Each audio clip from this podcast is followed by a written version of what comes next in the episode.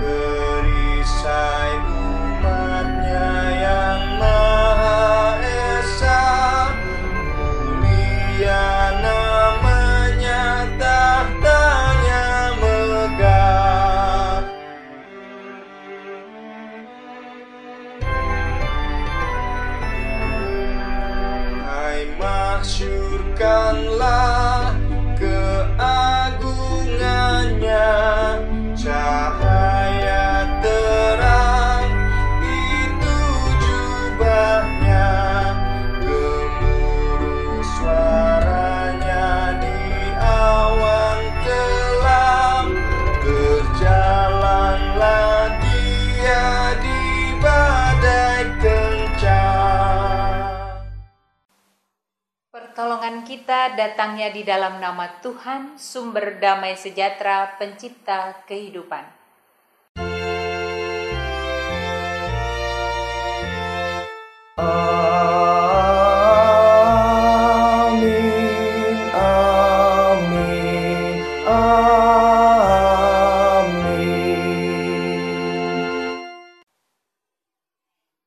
Karunia dan damai sejahtera dari Allah Bapa, Anak, dan Roh Kudus menyertai saudara sekalian.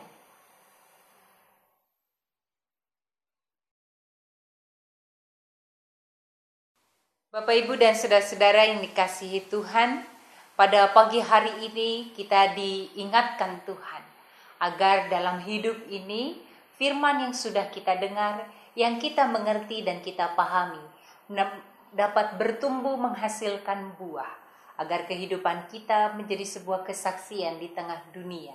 Dan apa yang kita kerjakan? Menjadi benih-benih yang ditabur menyatakan kebaikan Tuhan dalam hidup ini. Biar kita juga menghayati apa yang dikatakan pemazmur firmanmu pelita bagi kakiku dan terang bagi jalanku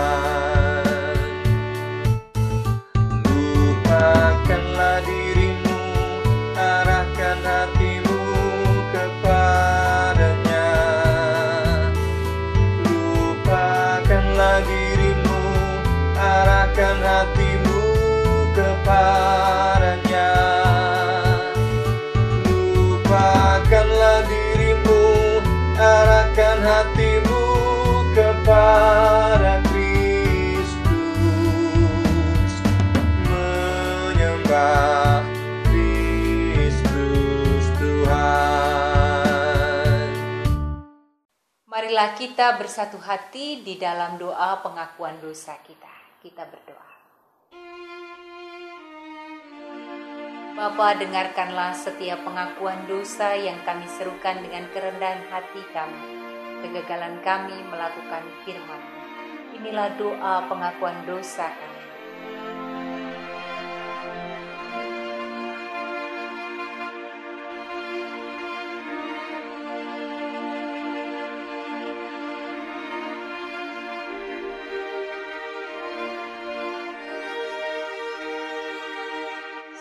Kami malu dan menyesal sebab di dalam banyak hal kami telah mendukakan hati Tuhan. Sungguh kami malu dan menyesal sebab hidup kami bukanlah ladang yang baik untuk bertumbuhnya firman Tuhan. Kami membiarkan keserakahan, kami membiarkan kemarahan, kebencian, bahkan kedengkian, merenggut kemurnian hati kami di dalam Kristus, sehingga kami tidak mampu menghasilkan buah. Tuhan terimalah doa pengakuan dosa kami yang kami naikkan di dalam nama Tuhan Yesus Kristus. Amin. Saya undang Bapak Ibu dan Saudara-saudara untuk bangkit berdiri. Maka terimalah anugerah pengampunan seperti yang dinyatakan di dalam Kolose 1 ayat 13 sampai dengan 14 demikian. Ia telah melepaskan kita dari kuasa kegelapan dan memindahkan kita dalam kerajaan anaknya yang kekasih. Di dalam dia kita memiliki penebusan kita, yaitu pengampunan dosa. Demikianlah berita anugerah dari Allah. Hiduplah dalam anugerahnya. Tuhan telah mengampuni dan mempersatukan kita. Oleh karena itu marilah kita hidup dalam damai dan pengampunan, damai Tuhan bersertamu. Nyatakanlah salam damai bagi seluruh anggota keluarga.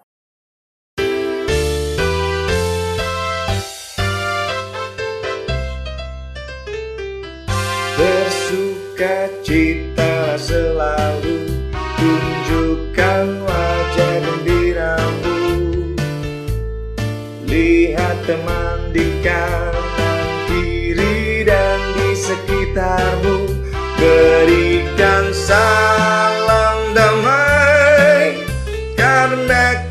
kasih karunia Serta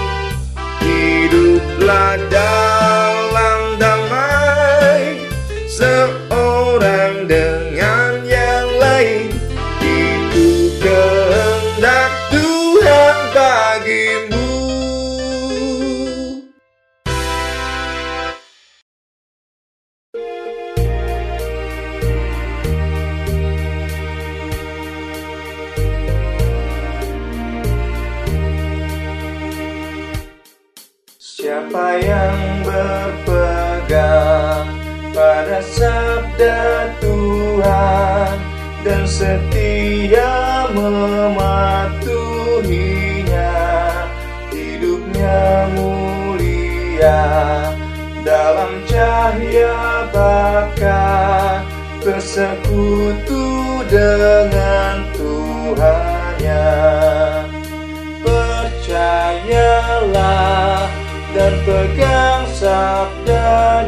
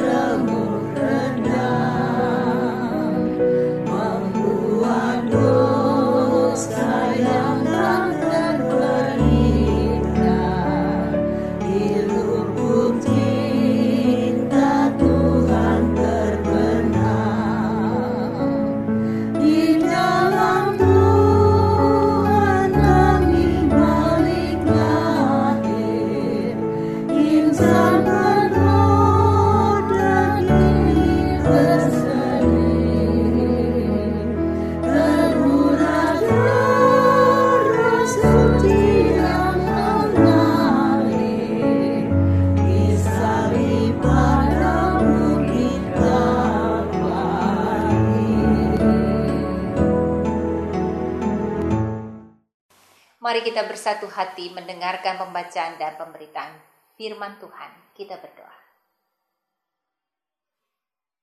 Kepada Kristus yang adalah Sang Firman yang hidup, yang boleh kami teladani bagaimana firman itu nyata dalam perbuatan dan karya Kristus. Biarlah kami juga boleh memperlakukan firman yang kami dengar pada saat ini. Bukakanlah hati kami, pikiran kami untuk menyambutnya di dalam ketaatan Kira itu yang membuat kami menjadi ladang yang subur menyambut firman-Mu. Berfirmanlah kepada kami ya Bapa di dalam nama Tuhan kami Yesus Kristus. Amin. Firman Tuhan yang sama-sama akan kita renungkan pada pagi hari ini diambil dari Injil Tuhan Yesus Kristus menurut Matius pasal yang ke-13 ayatnya yang ke-1 sampai dengan ayat yang ke-9 Dilanjutkan dengan ayat 18 sampai dengan 23 demikian.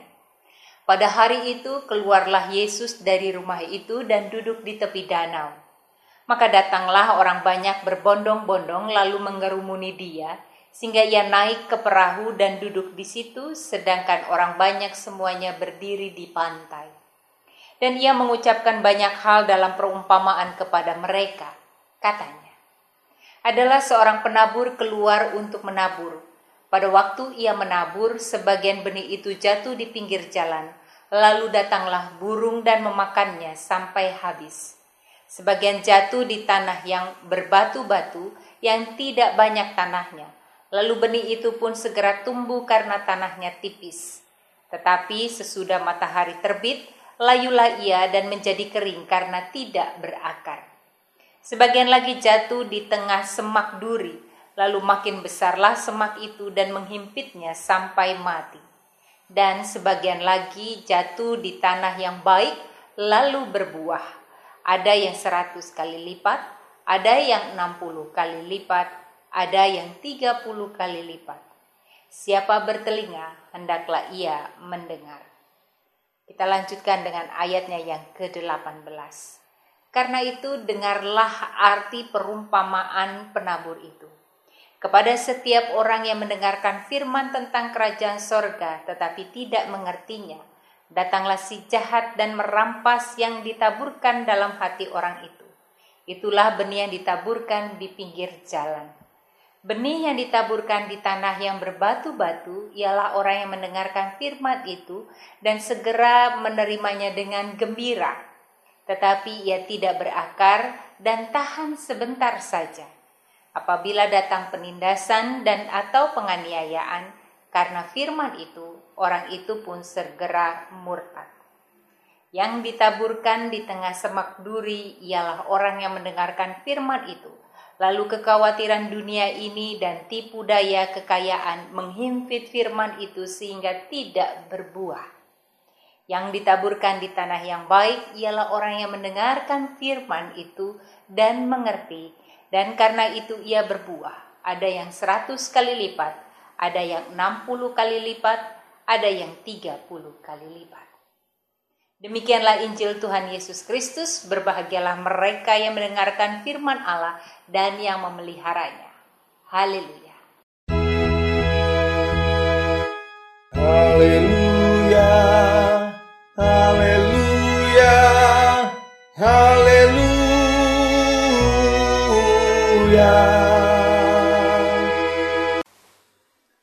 Bapak Ibu dan saudara-saudara yang dikasih Tuhan, percayakah Bapak Ibu dan saudara adalah orang yang punya pengaruh? Tidak masalah apakah Anda punya pendidik eh, punya kedudukan, pendidikan tinggi atau kekuasaan tertentu. Tetapi pada dasarnya setiap orang punya pengaruh. Besar ataupun kecil pengaruh itu. Ketika Anda menikah dan memiliki anak, Anda sebagai orang tua punya pengaruh terhadap anak-anak. Anak-anak sering mengimitasi orang tuanya. Apa yang orang tua lakukan, apa orang tua nasihatkan, berpengaruh dalam kehidupan anak-anak. Begitu juga kalau kita bekerja, kita punya rekan sekerja, hadirnya saya sebagai rekan sekerja pasti punya pengaruh buat dia, seperti dia mempengaruhi kita. Media sosial adalah cara kita memberi pengaruh dalam situasi saat ini kita bisa melihat bagaimana orang bisa mempengaruhi orang lain, entah dalam hal yang baik ataupun dalam hal yang tidak baik. Belakangan ini ada sesuatu yang terjadi, cukup viral terjadi adalah ketika ada seseorang yang mulai mengolok-olok sebuah produk uh, film anak-anak buatan Malaysia. De maksudnya bercanda, lalu kemudian canda itu makin lama makin melebar Sampai akhirnya kemudian orang Malaysia menjadi sangat tersinggung dan mencoba mengatakan supaya orang Indonesia menghentikannya. Orang yang pertama kali mengunggah e, hal seperti ini kemudian mengklarifikasi dan meminta maaf. Saya memberi pengaruh. Tetapi pada peristiwa ini pengaruh yang dilakukan adalah pengaruh buruk yang melukai orang lain, melukai rasa kebanggaan atas milik sebuah bangsa. Di situasi yang lain, pada saat kita pertama kali melihat, pada saat kita masuk di mana kita menghadapi situasi pandemi ini, banyak orang kemudian memakai media sosial menjadi cara untuk mengembangkan kepedulian dan kepekaan kita terhadap orang lain yang terimbas kuat karena situasi pandemi ini. Lalu itu menjadi gerakan besar. Bagaimana orang kemudian terdorong satu dengan yang lain untuk menyatakan kebaikan bagi siapa pun. Dari mulai membagikan nasi bungkus dari mulai juga mengumpulkan dana untuk penyediaan APB APD untuk para uh, tenaga medis masker dan seterusnya. Walaupun ada segelintir orang menjadi sangat tidak bertanggung jawab karena ketakutannya justru menumpuk barang dan itu juga mempengaruhi orang lain untuk melakukan hal yang sama dari dua contoh ini kita bisa melihat bahwa tiap orang sungguh punya pengaruh. Entah itu pengaruh yang baik atau pengaruh yang tidak baik. Dengan demikian setiap orang di antara kita harus menyadari pengaruh itu ada dimiliki di dalam diri kita. Dan kita bisa pakai media apa saja untuk menularkan pengaruh, pengaruh kita. Mulai dari mulut kita, perilaku kita, bahkan media sosial yang kita miliki itu adalah semua alat-alat yang bisa kita manfaatkan untuk menyatakan pengaruh. Namun pertanyaannya adalah pengaruh seperti apa yang mau kita nyatakan bagi dunia ini. Kita tidak perlu menjadi artis, kita tidak perlu menjadi youtuber ataupun pejabat, tapi pada akhirnya kita juga mampu memberikan pengaruh.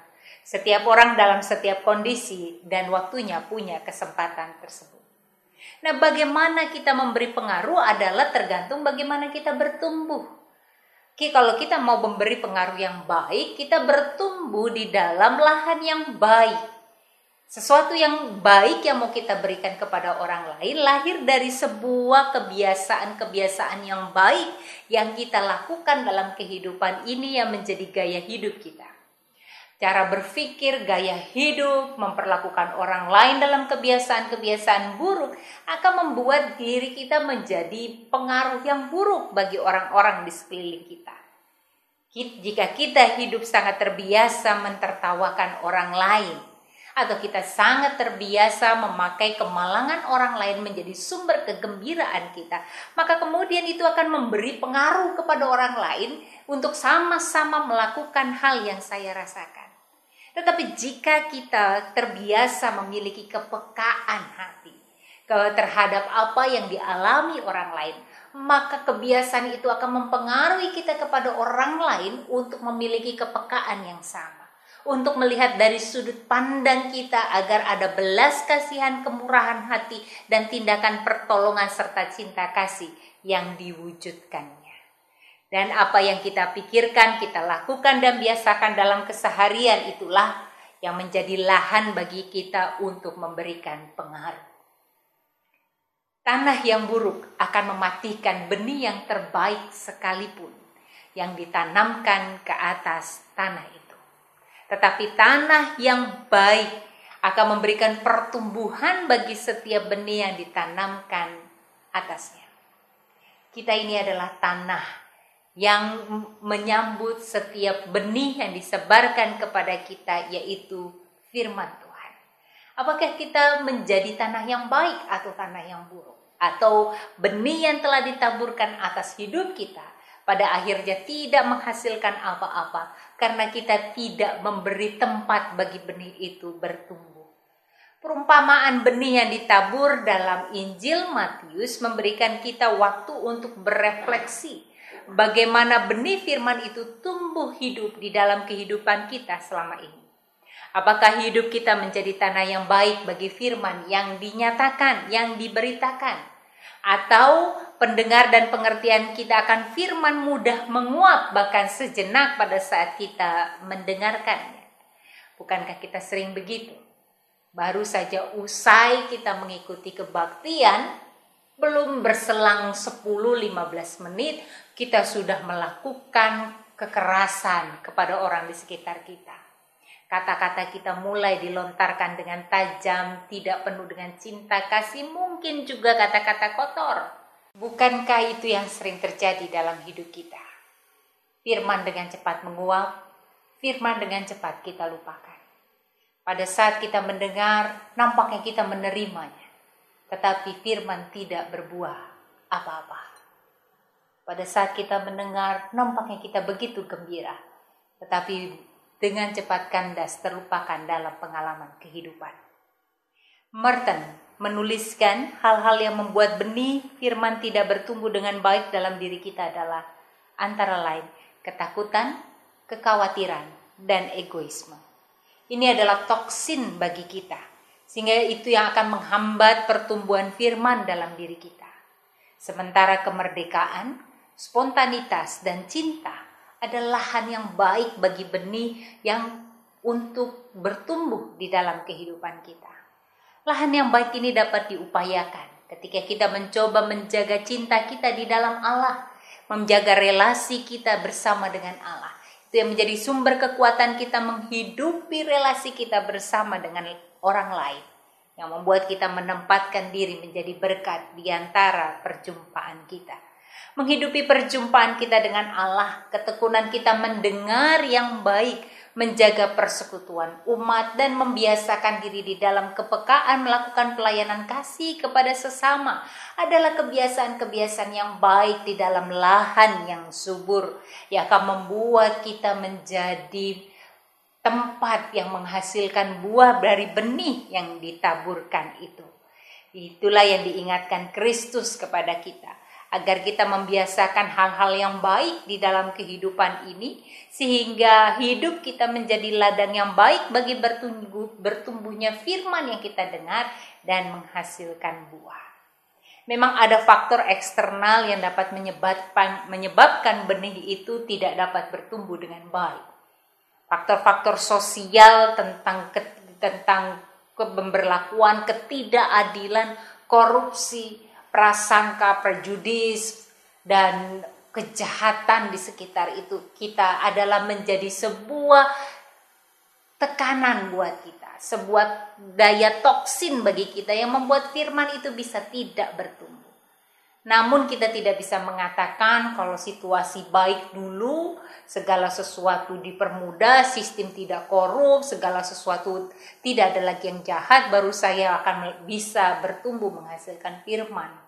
Memang betul ada di luar kita, ada faktor eksternal yang bisa menyebabkan kita tidak menjadi lahan yang baik, benih tidak bertumbuh dengan baik. Tetapi toh ada di mana kita mampu menghasilkan yang baik di dalam kebaikan Tuhan. Justru di saat seperti itulah Allah mengutus kita agar benih yang ditabur di saat-saat sulit dalam situasimu yang sulit dapat terus bertumbuh sehingga hidupmu dapat menghasilkan buah dan mengubah hidup yang memberikan pengaruh faktor yang buruk sedikit banyak mengalami perubahan. Memang ini adalah sebuah PR yang besar. Tetapi Mother Teresa mengingatkan kepada kita, sebelum kita mencintai dunia ini, mulailah mencintai dari satu orang saja. Kita hanya dapat menyelamatkan satu persatu. Hanya Kristus yang mampu menyelamatkan dunia. Tapi Kristus mempercayakan kita di dalam tugas perutusan ini untuk setia dalam perkara-perkara kecil untuk melakukan hal-hal yang ada di sekitar kehidupan kita dari mulai diri kita, dari mulai satu orang, dari mulai satu tindakan. Kita hanya dapat mencintai dalam satu waktu. Bergerak dalam hidup kita sehingga kita bisa merasa begitu dekat untuk memperlakukan firman di dalam hidup ini. Pandemi adalah momen kita di tengah penderitaan dan kesulitan dipakai menjadi alasan untuk menyelamatkan diri atau bahkan mementingkan diri sendiri. Justru di situlah kita dipanggil untuk melakukan firman Tuhan agar terus bertumbuh di dalam ladang dunia. Kita dipanggil untuk melakukannya dengan penuh kebebasan, keberanian, bahkan spontanitas bicara tentang hal ini. Spontanitas justru biasanya adalah sesuatu yang mendorong kita untuk segera melakukan hal yang baik. Jika spontanitas itu mendorong kita melakukan hal yang baik, jangan tunda. Karena biasanya ketika ditunda lalu tidak jadi untuk melakukannya. Maka mari kita melakukan ini di dalam hidup kita yang tengah bergulat dengan pandemi ini. Pada saat orang khawatir lalu memilih untuk menimbun barang Justru di situlah benih firman Tuhan harus bertumbuh tentang kemurahan hati.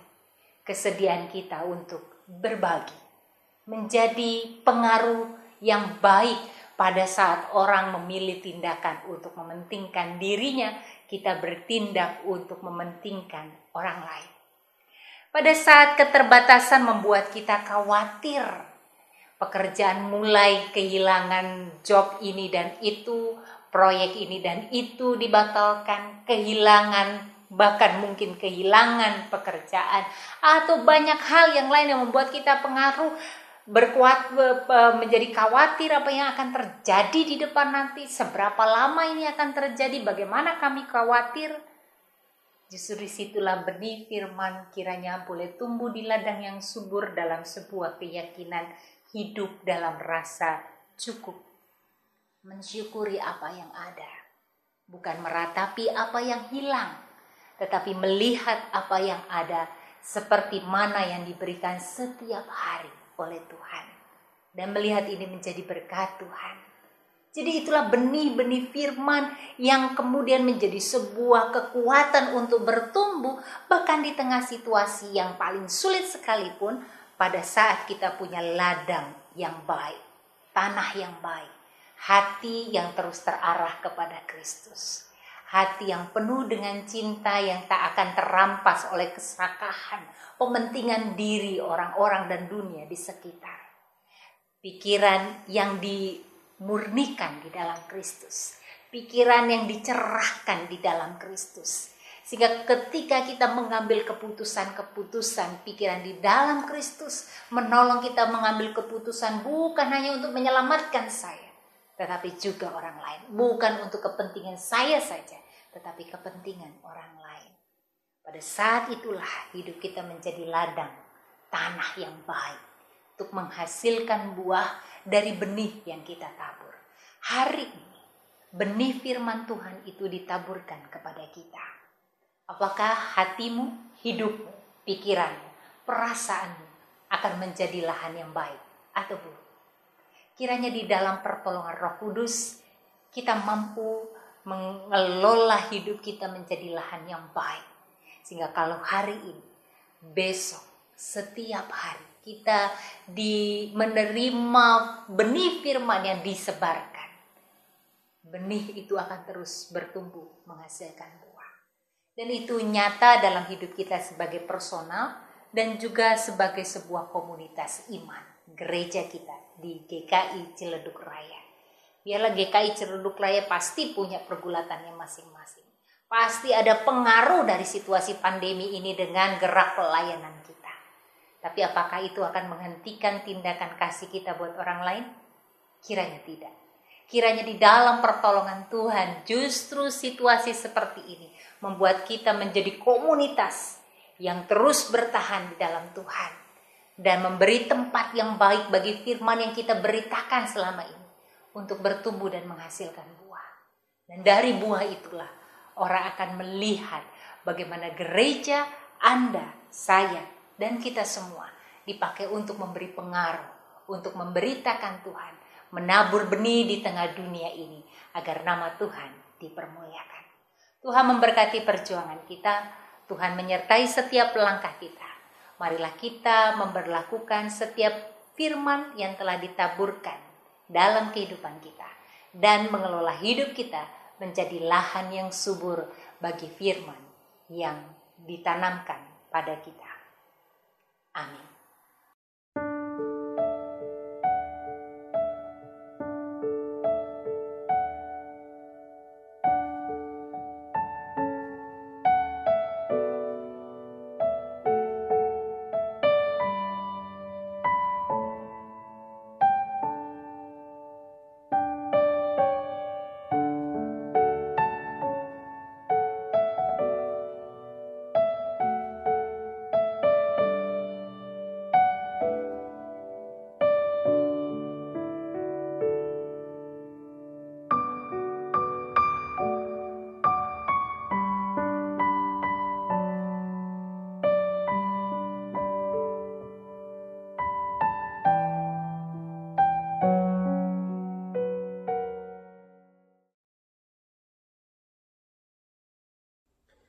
Bersama umat Tuhan di sepanjang abad dan tempat, marilah kita bersama-sama mengucapkan pengakuan iman rasuli. Aku percaya kepada Allah, Bapa yang Maha Kuasa, Khalid langit dan bumi, dan kepada Yesus Kristus, anak yang tunggal Tuhan kita, yang dikandung daripada roh kudus, lahir dari anak darah Maria, yang menderita sengsara, di bawah pemerintahan Pontius Pilatus, disalibkan, mati dan dikuburkan, turun ke dalam kerajaan maut. Pada hari yang ketiga, bangkit pula dari antara orang mati, naik ke sorga, duduk di sebelah kanan Allah, Bapa yang Maha Kuasa, dan dari sana ia akan datang untuk menghakimi orang yang hidup dan yang mati. Aku percaya kepada Roh Kudus, gereja yang kudus dan am, persekutuan orang kudus, pengampunan dosa, kebangkitan orang mati, dan hidup yang kekal. Amin. Kita akan masuk ke dalam doa syafaat yang diawali oleh doa syukur rumah ibadah, dilanjutkan doa oleh pengkhotbah dan ditutup dengan menyanyikan doa Bapa kami. Mari kita berdoa. Bapa di sorga kami mengucap syukur ya Tuhan untuk cinta kasih Tuhan di dalam kehidupan kami, khususnya ya Tuhan untuk komunitas kami GKI Cilduk Raya. Kami mengucap syukur untuk begitu banyak dan begitu besarnya kasih Tuhan di dalam perjalanan kami sebagai gereja di GKI Cilduk Raya. Bapa di sorga, saat ini ya Tuhan kami akan berjuang untuk memproses IMB kami menjadi IMB rumah ibadah. Bapa di sorga yang memampukan kami para majelismu, PPRI, dan semua jemaat untuk boleh bahu-membahu di dalam berjuang untuk mendapatkan IMB rumah ibadah. Bapa di sorga, dengan cinta kasih Tuhan dan dengan perkenan Tuhan, kami mohon agar apa yang kami cita-citakan Tuhan boleh kabulkan. Dan juga ya Tuhan tetap ingatkan kami bahwa ketika kami melakukan proses semuanya itu, Tuhan ingatkan kami bahwa kami ada di hadirat Tuhan dan bahwa kami harus mau dan mampu menjadi berkat bagi lingkungan. Dan biarlah ya Tuhan ketika kami melakukan proses ini, kami boleh berjuang bersama-sama dan juga tidak ada saling melukai di antara kami dan semuanya kami kembalikan untuk hormat dan kemuliaan nama Tuhan. Inilah doa kami ya Tuhan, ampuni salah dosa kami dan terima kami bermohon. Dalam anakmu Yesus Kristus kami telah berdoa dan mengucap syukur. Kami percaya Engkau mendengar setiap seruan kami. Dan dengan kerendahan hati kami membawa pergulatan kami di tengah situasi pandemi ini. Kami berdoa bagi dunia yang menderita, bagi setiap berjuangan bangsa-bangsa dan para pemimpin-pemimpin dunia, bagi setiap para tenaga-tenaga medis yang terlibat dalam menghentikan penyebaran virus ini, dan setiap orang yang dipakai Tuhan untuk menghadirkan pemulihan dari negeri kami yang dari bangsa kami, dari dunia kami yang menderita. Berkatilah perjuangan kami ini Tuhan, agar kami dapat mengerjakannya dengan kesehatian kami, saling menopang satu dengan yang lain antar bangsa. Biarlah situasi pandemi ini justru membuat persekutuan umat manusia di segala bangsa semakin dihayati. Kami bersatu hati berdoa bagi bangsa kami Indonesia. Berkati Presiden kami, jajaran menteri dan juga tim gugus tugas COVID. Biarlah segala sesuatu yang kami lakukan menjadi berkat dalam kehidupan negara ini. Kami berdoa bagi rakyat Indonesia Tuhan. Biarlah kami boleh melakukan protokol menjadi sebuah gaya hidup baru kami dengan kesungguhan dan dengan kerelaan hati. Biarlah kami sungguh-sungguh menjaga kesehatan kami dan juga sungguh-sungguh menjaga kesehatan orang lain lingkungan kami. Sehingga kami tidak abai dengan segala sesuatu yang telah diajarkan kepada kami, diberitahukan kepada kami. Kami berdoa bagi setiap orang yang bekerja di negeri ini untuk menghasilkan kekuatan dan kesehatan Biarlah mereka melakukannya dalam berkat dan pertolongan Tuhan. Kami berdoa bagi mereka yang terinfeksi COVID ini. Kiranya Tuhan memberkati mereka untuk dapat keluar dan sebagai pemenang, untuk dapat sembuh dari segala sakit yang dideritanya. Biarlah segala pengobatan istirahat boleh menjadi sebuah imun yang meningkatkan imun imunitas mereka untuk mengalahkan virus ini. Kami bersatu hati bagi setiap orang yang terimbas, baik secara ekonomi, kesehatan mental, relasi, rumah kehidupan rumah tangga dan keluarga, pekerjaan dan apa pun yang kami lakukan. Biarlah kami tetap bertahan di dalam ketabahan dan kesabaran. Kami serahkan semua ke dalam pemeliharaan tangan pengasihan Tuhan. Kami percaya kami memperjuangkannya ini bersama dengan Engkau. Kami percaya bahwa di dalam firman yang kami kenal itulah yang menjadi sumber kekuatan dan pengharapan kami. Dengarkanlah doa dan seruan kami. Di dalam nama Tuhan kami Yesus Kristus yang mengajarkan kami berdoa.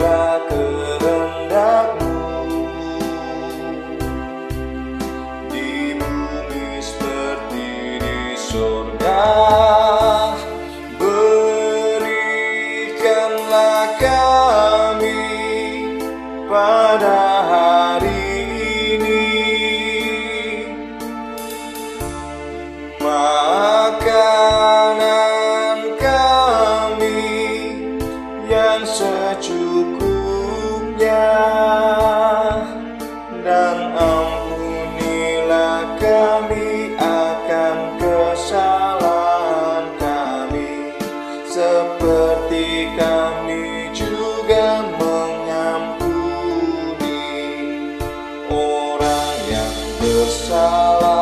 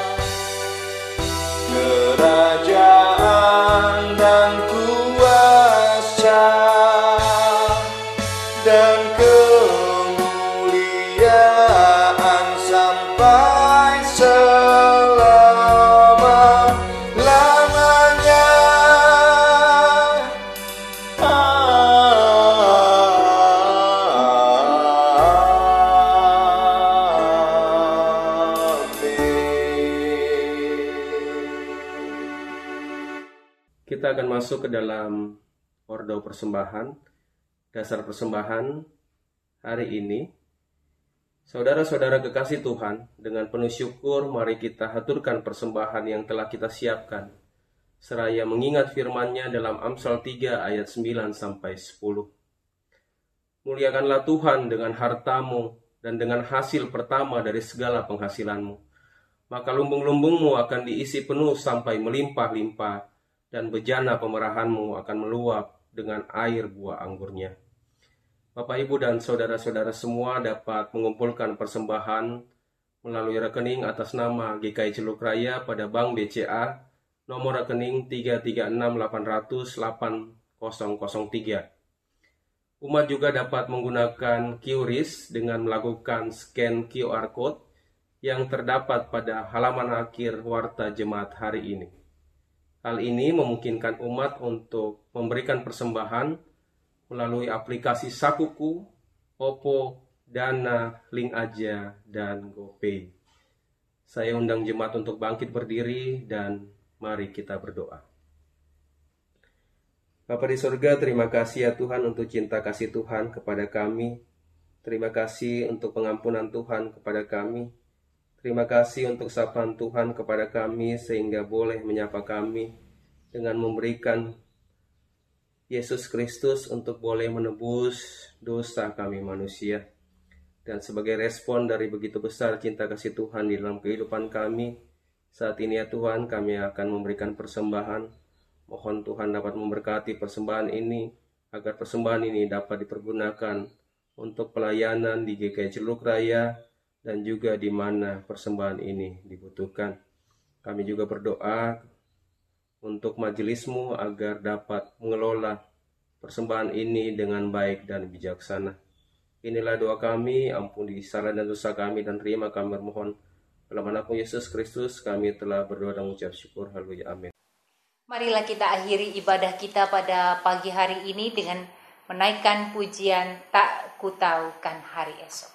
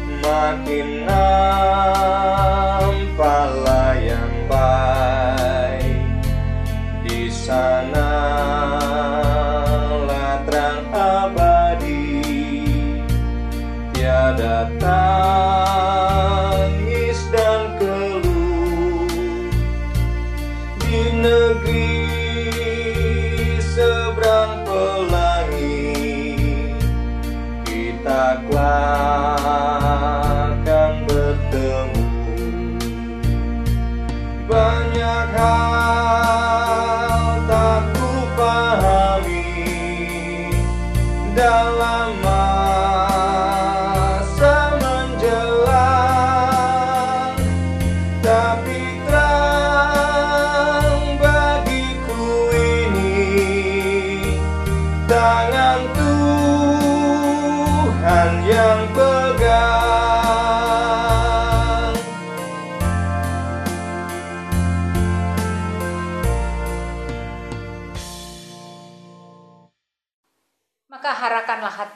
Kepada Tuhan.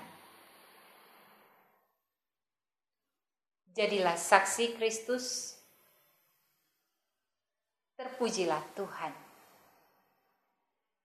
Kini terimalah berkatnya. Tuhan memberkati saudara dan melindungi saudara. Tuhan menyinari saudara dengan wajahnya dan memberi saudara kasih karunia. Tuhan menghadapkan wajahnya kepada saudara dan memberi saudara damai sejahtera. Amin.